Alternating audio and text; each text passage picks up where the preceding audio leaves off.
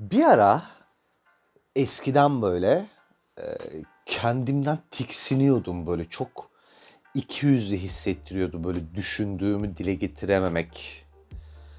E, karşımdaki insanın ne mal olduğunu bilip böyle görüp susmak, sanki böyle yarak kafalı olduğunu bilmiyor gibi ya da ne bileyim işte ucuz sahte, aptal ne dersen işte yani. Böyle bunu görüyor ama sesimi çıkaramıyor olmak böyle çok iki yüzlü hissettiriyordu kendimi onu. Çok kötü hissediyordum bu yüzden kendimi. Böyle şey falan yapıyorsun ya canım falan işte muhabbete devam ediyorsun böyle ama için için ne mal olduğunu biliyorsun ya karşındakinin. Ama işte senin ne mal olduğunu biliyorum ancık demeyip böyle yani düşündüklerini dile getirmek yerine sosyal nezaket gereği yutuyorsun falan çoğu şeyi. Bu böyle çok zoruma gidiyordu benim. Ondan sonra bu podcast'i yapmaya başladım. Yok şaka. Evet ama bunun da öyle bir faydası oldu bu arada şunu söylemek istiyorum. Yani görüyorum şu an ne yaptığını ve çok ucuzsun amına koyayım diye bağırmak istiyorsun bir yandan. Ama işte meh meh meh meh diye gülüp böyle geçmek zorunda kalıyorsun. Bu bana kendimi inanılmaz ikiyüzlü hissettiriyordu eskiden tamam mı? Sonra şeyi fark ettim. İnsanlara böyle yarak kafalı birisi olduğunu doğrudan yüzüne söylememe sebebim benim işte ezik birisi, iki yüzlü birisi falan olmamla da alakalı değildir belki hatta işte sosyal nezaketten dolayı da değildir de bu bir öğrenilmiş çaresizlik midir acaba diye düşündüm. Çünkü belki de şöyle bir şey olabilir. Atalarımız zamanında çok denedi bunu ama yarak kafalılar yarak kafalı olmaları gereğince bunu anlamadı. Yani söylendiği üzerine sen bir yarak kafasın kesesin diye ama onlar bunu anlamadı ya da anlasa bile bu hallerinden böyle utanıp falan bir çözüm aramadı ya ben insanlara ayıp ediyorum galiba şu anda ben iğrenç bir varlık olabilirim birazcık düzelsem bir demedi. Çünkü onlar nihayetinde yarak kafalı insanlardı. Ve being yarak kafalı aldırış falan etmeyip aynen öyle devam ettiler ve bir de çoğunluklar zaten yani bu insanlar azınlık ya da ender rastlanan varlıklar değil bilekis toplumun kıymetli bir kısmını teşkil ettikleri için bundan güç aldılar ve böyle devam ettiler. Biz de baktık ki bir boka faydası yok. Bunlara yüzüne bunu söylemek yerine Allah bin belanı versin deyip geçtik. Belki de iki yüzlü değil de çaresizizdir. Yani aptala aptalsın demek yerine aa öyle miymiş ya vay anasını deyip arkasından ben amına kodum aptalı demek daha keyifli zaten bu arada. Çok daha eğlenceli yani bu aslına bakarsan. Ben mesela artık kendimi o yüzden iki yüzlü hissetmiyorum. Bilakis eğlenceli bu. Zaten aptallar o kadar aptal oluyor ki ben burada mesela bir sürü farklı farklı aptal portresi çiziyorum tamam mı? Gelip bana ya evet ya çok isabetli aynı öyleler falan diye böyle yorum yapıyor ama yorum yapan direkt benim bunu gömdüğüm aptallardan bir tanesi olabiliyor tamam mı? ama asla üstüne alınmıyor. Kesinlikle o o değil. O onun etrafındaki diğerleri. Kendisi o olamaz. Farkında bile değil kendisinin ne olduğundan. E şimdi buna laf anlatmakla buna sensin o sensin demekle niye uğraşayım ki ben? Evet ya değil mi? Ne aptallar var falan deyip arkasından da gülüyorsun. Dunning-Kruger etkisi diye bir şey var. Hiç duydunuz mu bunu? Dunning-Kruger efekt. Özeti meali şu. O kadar cahil olmak ki cahil olduğunu farkında olmayıp böyle donanımlı kültürlü insanları cahillikle itham etmek. Çünkü idrak edemiyor ya onun donanım seviyesine. Anlayamayacak kadar cahil olduğu için muhtemelen o cahil ne saçmalıyor falan diyor anlamadığı şeyler söylediği için. Buna yakın bir açıklaması var. Bundan çok görürsünüz etrafta. Binlerce, milyonlarca bunlar yani. Hatta belki siz de bundan bunlardan bir tanesi olabilirsiniz. Çünkü farkında olmuyorsun. Öyle berbat bir şey. Fakat ben cahil birine cahil olduğu için kızmam. Yani cahillik, cehalet ayıp bir şey değil aslına bakarsan. Ayıp olan cehaleti yüceltmek ve o cehalette ısrar etmek.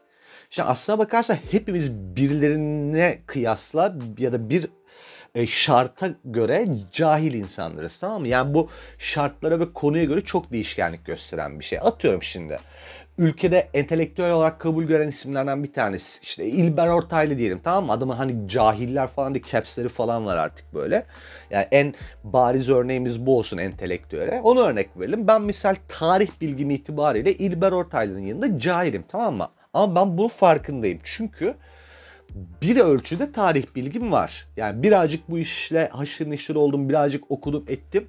Bildiklerim bana aslında öğrenecek daha ne kadar çok şey olduğunu, bilmediklerimin yanında bildiklerimin ne kadar az olduğunu gösterdi.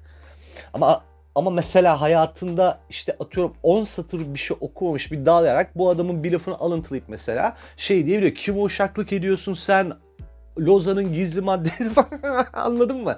Böyle sik sik edebiliyorlar bunlar böyle. Hani nereden duydun göster bakayım kaynağını desen öyle bir şey yok. Facebook kaynağı yani amcasının oğlu. Amcasının oğlu bir tane post paylaşmış oradan görmüş. Ama öyle bir iman etmiş ki bu bilgiye. Bak iman etmiş diyorum. İman çünkü bu koşulsuz inanmış anladın mı? Sorgulama morgulama yok. Yani bil, bilmiyor bunu. iman ediyor buna. Ve çünkü şey e, bu tarz bilgiler hep böyle hoşa gider cinsten şeylerdir. Böyle komple teorileri falandır. Hoşa gitmiş, inanmış buna ve iman o yüzden bu yaptı. İlber Ortaylı sus lan Cahil sen ne anlarsın diyebiliyor işte bu iman etmişlik hali. Şimdi mesela İlber Hoca alanında uzman. Ya bu tartışabileceğimiz bir şey. En azından biz bunun yeterliliğini ölçümleyecek donanıma sahip olmadığımız için ona uzman kabul ediyoruz tamam mı? Peki bu adamı alıp ben bir balıkçı teknesine koysam yani taka böyle bildiğin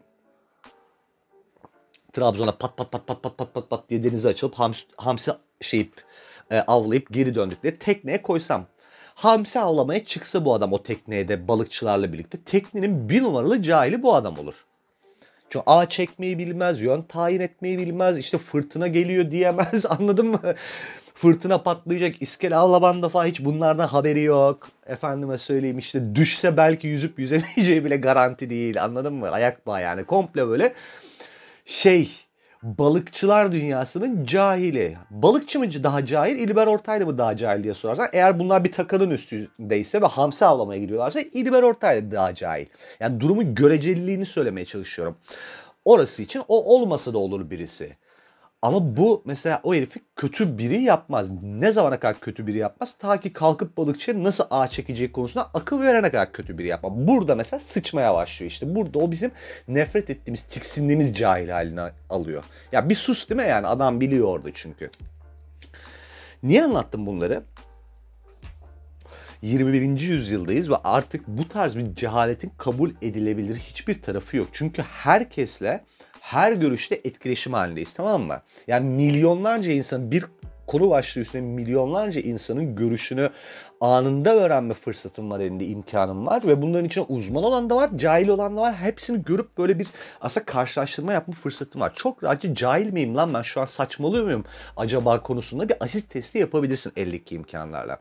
Twitter diye bir şey var elinde yani anladın mı? Mesela gündem olan bir olayla ilgili sallıyorum bununla ilgili bir şey yazmışım çünkü daha önce. Greta Thunberg olayını hatırlayın. Onun bir tiradı vardı ya böyle irite edici. İşte ilk akla gelen ve söylemek istediğin şey şuysa mesela ya oturmuş İsveç'te büyümüş gençliğim elimden alındı diyor hala gel Orta Doğu'ya da söyle bunları falan gibi bir laf mesela ilk senin refleksinse ve Twitter'a baktığında binlerce, on binlerce aptalın bu lafı ettiğini görüyorsan doğrudan şunu söyleyebilirsin ki yani ulan bu kadar insanın ilk aklına gelen argüman buysa bu argümanda bir salaklık olabilir mi acaba? Çünkü unutmayın ya aptallık çok seslidir. Yani işte herkesin söylediği doğrudur diye bir şey yok. Aptallık çok seslidir. Asla bireysel değildir ve bir insan bunca aptallığına rağmen bu toplumda ancak sesi onun kadar çok çıkan diğer aptallarla sırt sırta verebildiği için var olabilir. Ya farkındalık dediğimiz şey burada devreye giriyor zaten. Bu yüzden mesela kadına şiddet, efendime söyleyeyim işte taciz, bullying vesaire konularda ve farkındalık yaratmak üzere tepki göstermek, dikkat çekmek üzere örgütlü bir çok sessizlik aslında ya böyle bir şey olduğunda bu yüzden değerli bu konuda bir istikrar sağlar ve bir çok sessizlik yakalarsan mesela mevcut aptalların çoğuna dokunamasan bile en azından seslerini kesebilirsin. Onların sesi değil senin sesin yani aklı selimin sesi çıkıyor olur.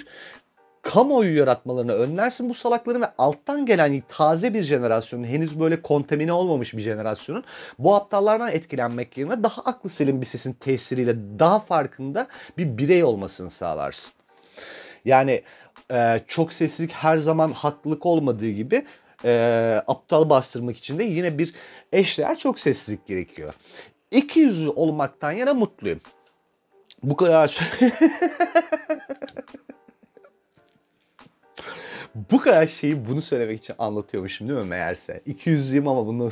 ya abi ama şu var işte yani bu anlattıklarımı bir, tabii ki bir yere bağlayacağım ama 200 olmaktan mutluyum. Gerçekten çünkü aptallarla diyaloğa geçebilecek kadar sabırlı da değilim, sakin de değilim.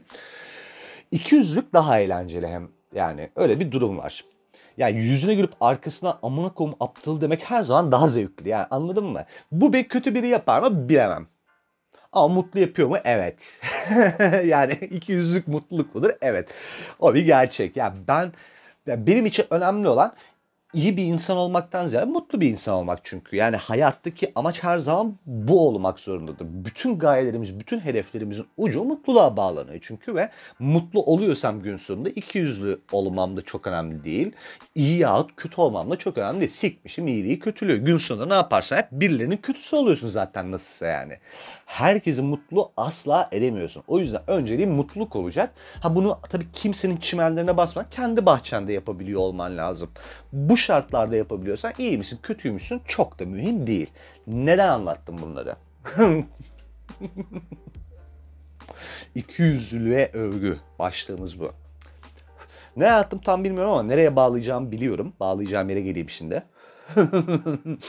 Geçen bölüm anlatmıştım ya hani sabit iki tepki var benim e, paylaşımlarıma yönelik diye. Bir kadınları aşağılıyor diyen güruh. Onunla ilgili bir şeyler anlattım zaten. Diğeri de kendini övüyor minvalindeki bu kendini övüyorcu işte tayfa ki bunlar mesela ilk iki ağırlıklı olarak kadındı. Bu tayfa da erkek. Tekrar söylemek istiyorum. Çok içime dert olduğu için tabii ki bu anlatıyı yapmıyorum. Sikmişim onların bitli boklu fikirlerini ama onlara bunu yaptıran şey benim için bir tane üstüne konuşulacak ve taşak geçilecek konu oluyor. Anladın mı? Ben şu anda onlara bunu yaptıran sebeple ilgiliyim. Yoksa onların ne söylediği çok umurumda değil. Benim son kitapta şöyle bir karakter vardı. Çok anlatmak istemiyorum detayına girmeden. Ve ortamı domine eden taklit bir alfa bu herif. Nedir bu taklit alfa? Bir sürü kompleksi var aslında. Ezikliği var ve altı çok boş bir egosu var ve bunu baskılayabilmek bu işte o bomboşluğu örtebilmek adına toplumda güçlü görünebilmek adına özellikle birkaç kişinin olduğu ortamlarda çok sesi çıkıyor bu tipin. Böyle yüksek sesle konuşuyor, ölçüsüz kahkahalar atıyor ve karşındaki insan taciz edercesine böyle sulu ve ölçüsüz şakalar yapıyor bu tip. Ve o işte içinin egosunun bomboşluğunun yankısının yüksek olması olayı bu aslında. Yani onunla çok böyle doğru orantılı. Ne kadar içi boşsa o kadar da çok yüksek ses çıkarıyor bu tipler. Bunu böyle bu ölçüsüzlüklerini, bu sululuklarını, bu tacizkarlıklarını hatta çoğu zaman özgüven ambalajına sarmalayıp da masaya koyuyor. İşte altında ama o ambalajı bir açıyorsun içinden devasa bir insecurity çıkıyor tamam mı? Bu tipler genelde geldiği yere çıktığı kabuğu falan beğenmeyen tipler olur. Bir. İkincisi donanım anlamında genelde mutlaka bir eksiklikleri vardır. Bir açık kapatmaya çalışıyordur. Kabul görmek üzere büyük bir gayretleri vardır. Ben de sizdenim dediği o an o ortamda mutlaka birileri vardır. Yani mesela o şovu aslında bir yandan kendine bir yandan da orada birilerine yapıyordur. Ya da küçük bir bilidir. Şaka değil ama bu gerçekten böyle de olabiliyor. Mesela o da çünkü bunu da bastırmak için böyle şeyler yapar bu insanlar. Yani o da bir açıktır ve kapatması gerekiyordur. Bunu özgüvenle ve suni bir iktidarla yapmaya çalışır. Çünkü çok iktidar ya bunun adı da bir parça böyle. İktidar iktidar. Nereden iktidar? Oradan kaybettiği iktidarı masada kazanmaya çalışır falan. Böyle bu ezikliği bastırmaya çalışan tipler olur özellikle bunlar. Böyle cahildir, aptaldır, varoştur falan filan demeyeceğim. Çünkü böyle olmak durumunda değillerdir illaki ama mutlaka bir eziklikleri, bir kompleksleri vardır bu tiplerin ve her modern insan gibi bununla başa çıkmayı ve bununla yaşamayı öğrenmek ya da işte bunun üstesinden gelmek adına profesyonel destek almak yerine tam bir cahil çomar gibi bu ezikliğinin sesini bastırmak için daha yüksek sesle bağırıp gürültü yapar bu tipler. Eminim hepinizin etrafında vardır böyle bir tip. Yani bunun aksi sedası masayı domine etmek şeklinde de olabilir. Sürekli böyle ön plana çıkmak adına yapılan aptal saptal ve kabul görmeyecek hareketler de olabilir ama gün sonunda altına genelde genelde böyle bir şey çıkıyor. American Gangster diye bir film vardı. Benim çok sevdiğim filmlerden bir tanesi de. Orada şöyle bir replik vardı. The loudest in the room is the weakest in the room diyor. Yani bir ortamda sesi en çok çıkan o ortamın en zayıfıdır. En zayıf karakterlisidir diyor. Bak bir gözden geçirin bu etrafınızdaki tipleri. Her arkadaş grubunda zaten mutlaka bir tane vardır bunlardan. Yani o yapının aslında temel yapı taşlarından bir tanesidir bu ezik. Ve arkadaş grubu kavramının içerisinde olmazsa olmazlardan bir tanesidir. Bu, o bir arketiptir yani. Mutlaka vardır. Arketiplere bakın bu arada şimdi uzun uzun anlatmayayım arketip nedir diye.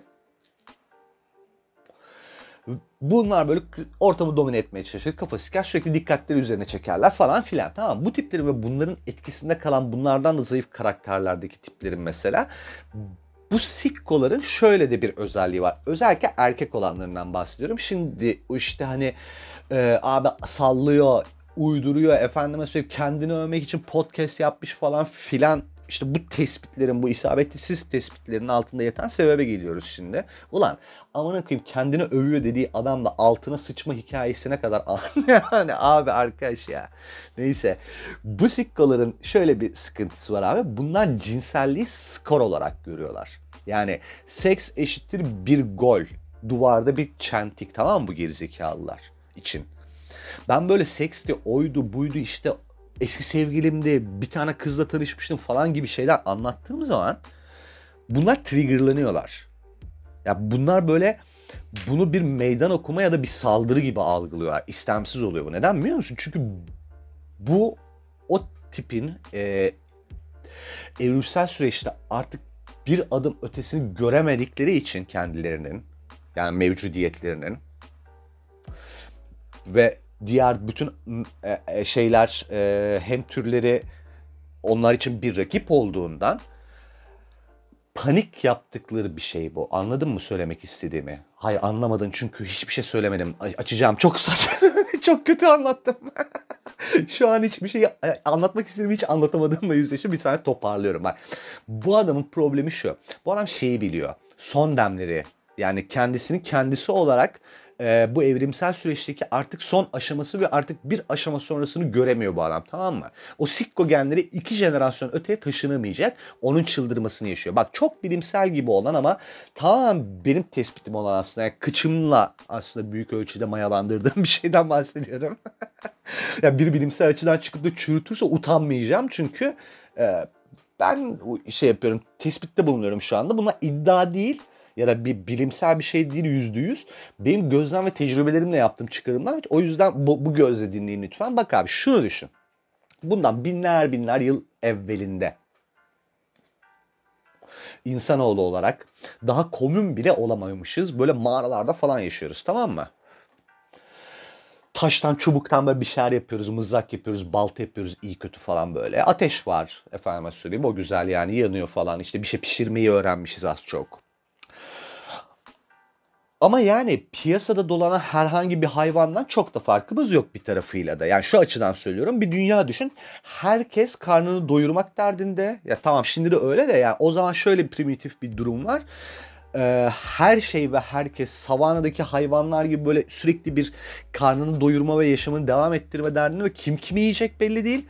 Sen de bir besin maddesisin bir takım hayvanlara göre. Şu an şimdi mesela bir e, kaplan tarafına avlanma riski taşıyan insan e, top, to, toplam nüfusun böyle yüzde 0.001'i falan belki ama o zaman hepimiz bu şeylerden bir tanesiydik. Bu riski taşıyanlardan bir tanesiydik. Kaplan bir de atlayıp üstüne seni oyun midesine indirebiliyordu. Bu tehdit çok açık ve net bir şekilde böyle her gün seni dışarıda bekliyordu. Tamam vaziyet bu yani. E bunu geçtim şimdi mesela.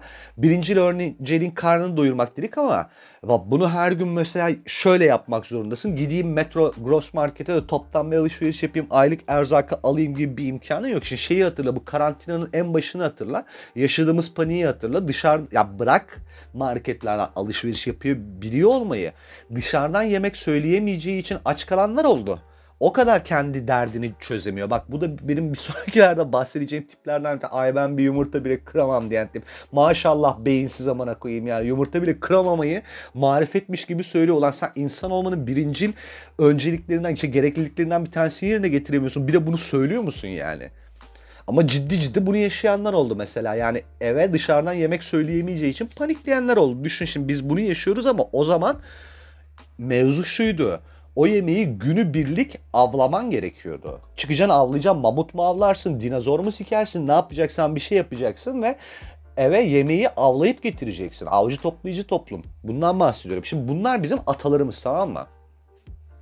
Biz bunların soyundan geliyoruz. Yani bunların içerisinde hayatta kalabilmiş olanların torunlarıyız. Bir de bunların içerisinde elenenler var. Ben de siz de bu az önce bahsettiğim uyduruyor yalanlar ya falan hava atmak için podcast kaydırıyor falan diyen lavuk da mesela. Ondan sonra işte ortamı terörize eden o küçük sikli de hepimiz şeyiz abi bu avladığı mamutun böyle mağarasına getirip ondan sonra böyle mağara duvarına avladığı mamut başına çentik atan falan böyle birilerinin genetik mirasını taşıyoruz. Kimimiz o mirastan sıyırdık kendimizi. Kimisi de ama işte modern toplum, teknoloji o bu derken böyle işte birileri mesafe kat ederken evrimsel anlamda o mamut avladıkça duvara çentik atan atalarından fazla uzaklaşamayıp hala çentik atma gayretiyle hayatına devam ediyor. İşte bu deminki sikkolar bunlar. E ama gel gelelim işte artık mamut avlanmadığı için ya ama bir şekilde bir skor da yapabiliyor olması gerektiğini düşündüğü için bu geri zekalı kadın tavladıkça çentik atıyor. Kadın başına çentik atıyor. Ya çünkü unutma bak onu bugünlere varabilme sebebi bu. Anladın mı? Alfa ya bu adam. Yani alfaydı ya bunun ataları bir zamanlar. Alfa nedir? İşte o sürünü, soyunu, türünü devam ettirebilen ya evrimsel süreçte. Bir kadının ihtiyaçlarını giderebilecek kadar alfa olup bir kadın tarafından da tercih edilebildiği için onun ataları bugünlere gelebildi bu dalayarak.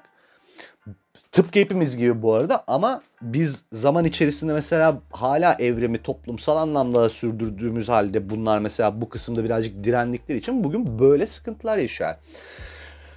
Ee, ne yaptı işte bunun şeyi atası alfaydı işte mamutu avlayabildi mızrağı tuttu anasının gözüne kadar fırlatabildi falan filan ve bu yüzden de bir kadın bunu tercih etti.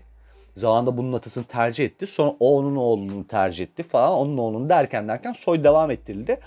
Biz doğru mamutu avlayabilen ve doğru erkeği seçilebilenlerin torunu olduk. Aslına bakarsan buyuz yani kadın ve erkek olarak buyuz. Yanlış tercih yapanlar silindi gitti. Ve aslında tabiat da çünkü böyle bir şey yani şeyi söylemeye çalışıyorum.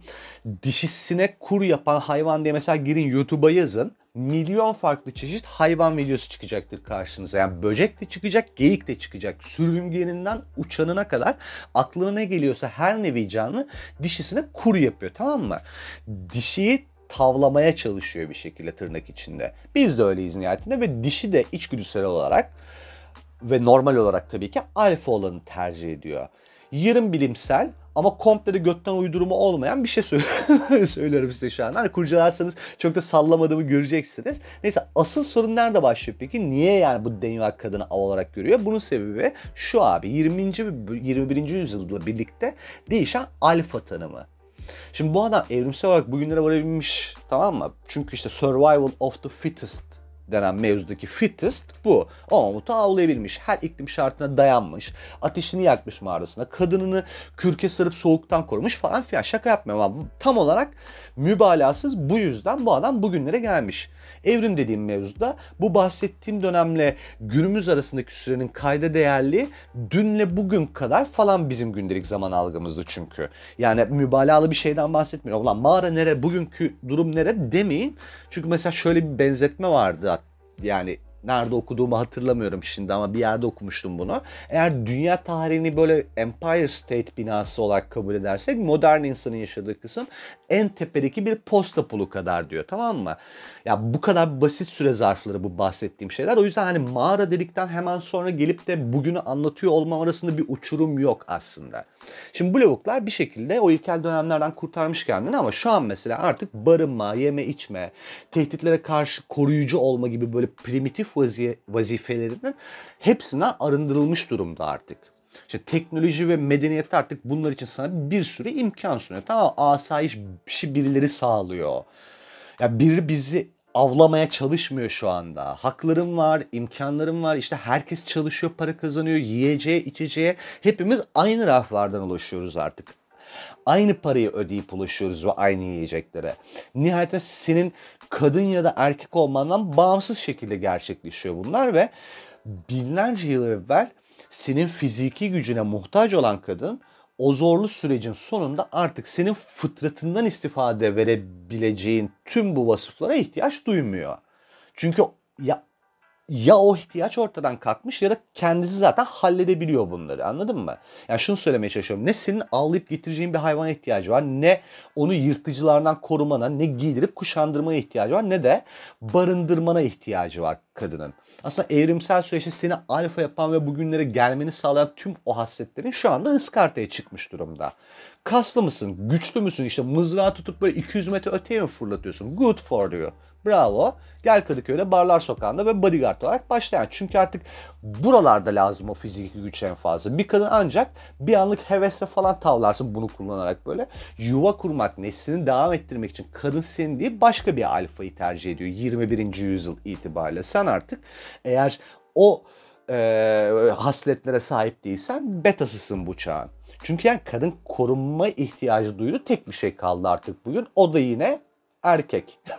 Çok acı ama böyle. Kadın için tehdit kaplan, aslan maslan değil ki erkek artık. Tek tehdit bu.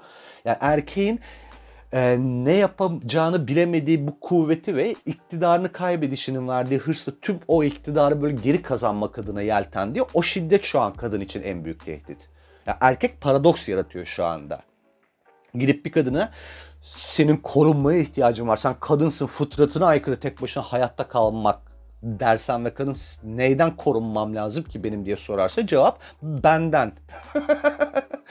çok çok yani güldüğüm an çok acı korkunç bir şeyden bahsediyorum ama gerçek bu. Kadın için tek tehdit kaldı erkek. Sen o tehdidi önüne koyarak gel seni kendimden koruyayım diyemeyeceğine göre artık başka biri olman gerekiyor. Ama e, size güzel bir haberim var Dalarak Tayfa. Sevgili betalar.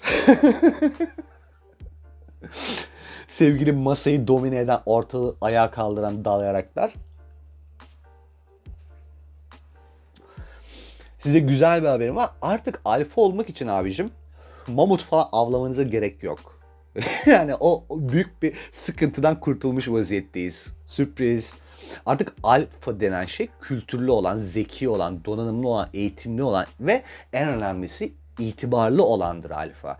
İtibarı da sana bisepslerin, trisepslerin falan hani bunlar kazandırmıyor. Toplumdaki konumun kazandırıyor. Sen sporunu yine yap bu arada. Sana kimse niye spor yapıyorsun demiyor. Zaten tüm bu kültürlü donanımlı falan alfanın her biri sağlıklı bir birey olmak adına bunu yapıyor ama sadece bunu yapmıyor. Eğitimin, işin gücün, efendime söyleyeyim donanımın falan Bunlar seni alfa yapan şeyler ve bunlar ve bunların sana kazandırdıkları alfa yapan şeyler. O def, deadliftler, bilmemler, tricepsler, squatlar, mukatlar eğer bu işin eğitmeni değilsen ya da ve kültürsüz, donanımsız bir salaksan, böyle eğitimsiz bir salaksan seni çok çok bar fedaisi yapar bu saatten sonra. Elin yüzün düzgünse maksimum varacağın nokta Demet Akalın klibinde böyle oynayan böyle üstü çıplak dansçılık falan. Yani bu kadar yere kadar taşır seni bu durum.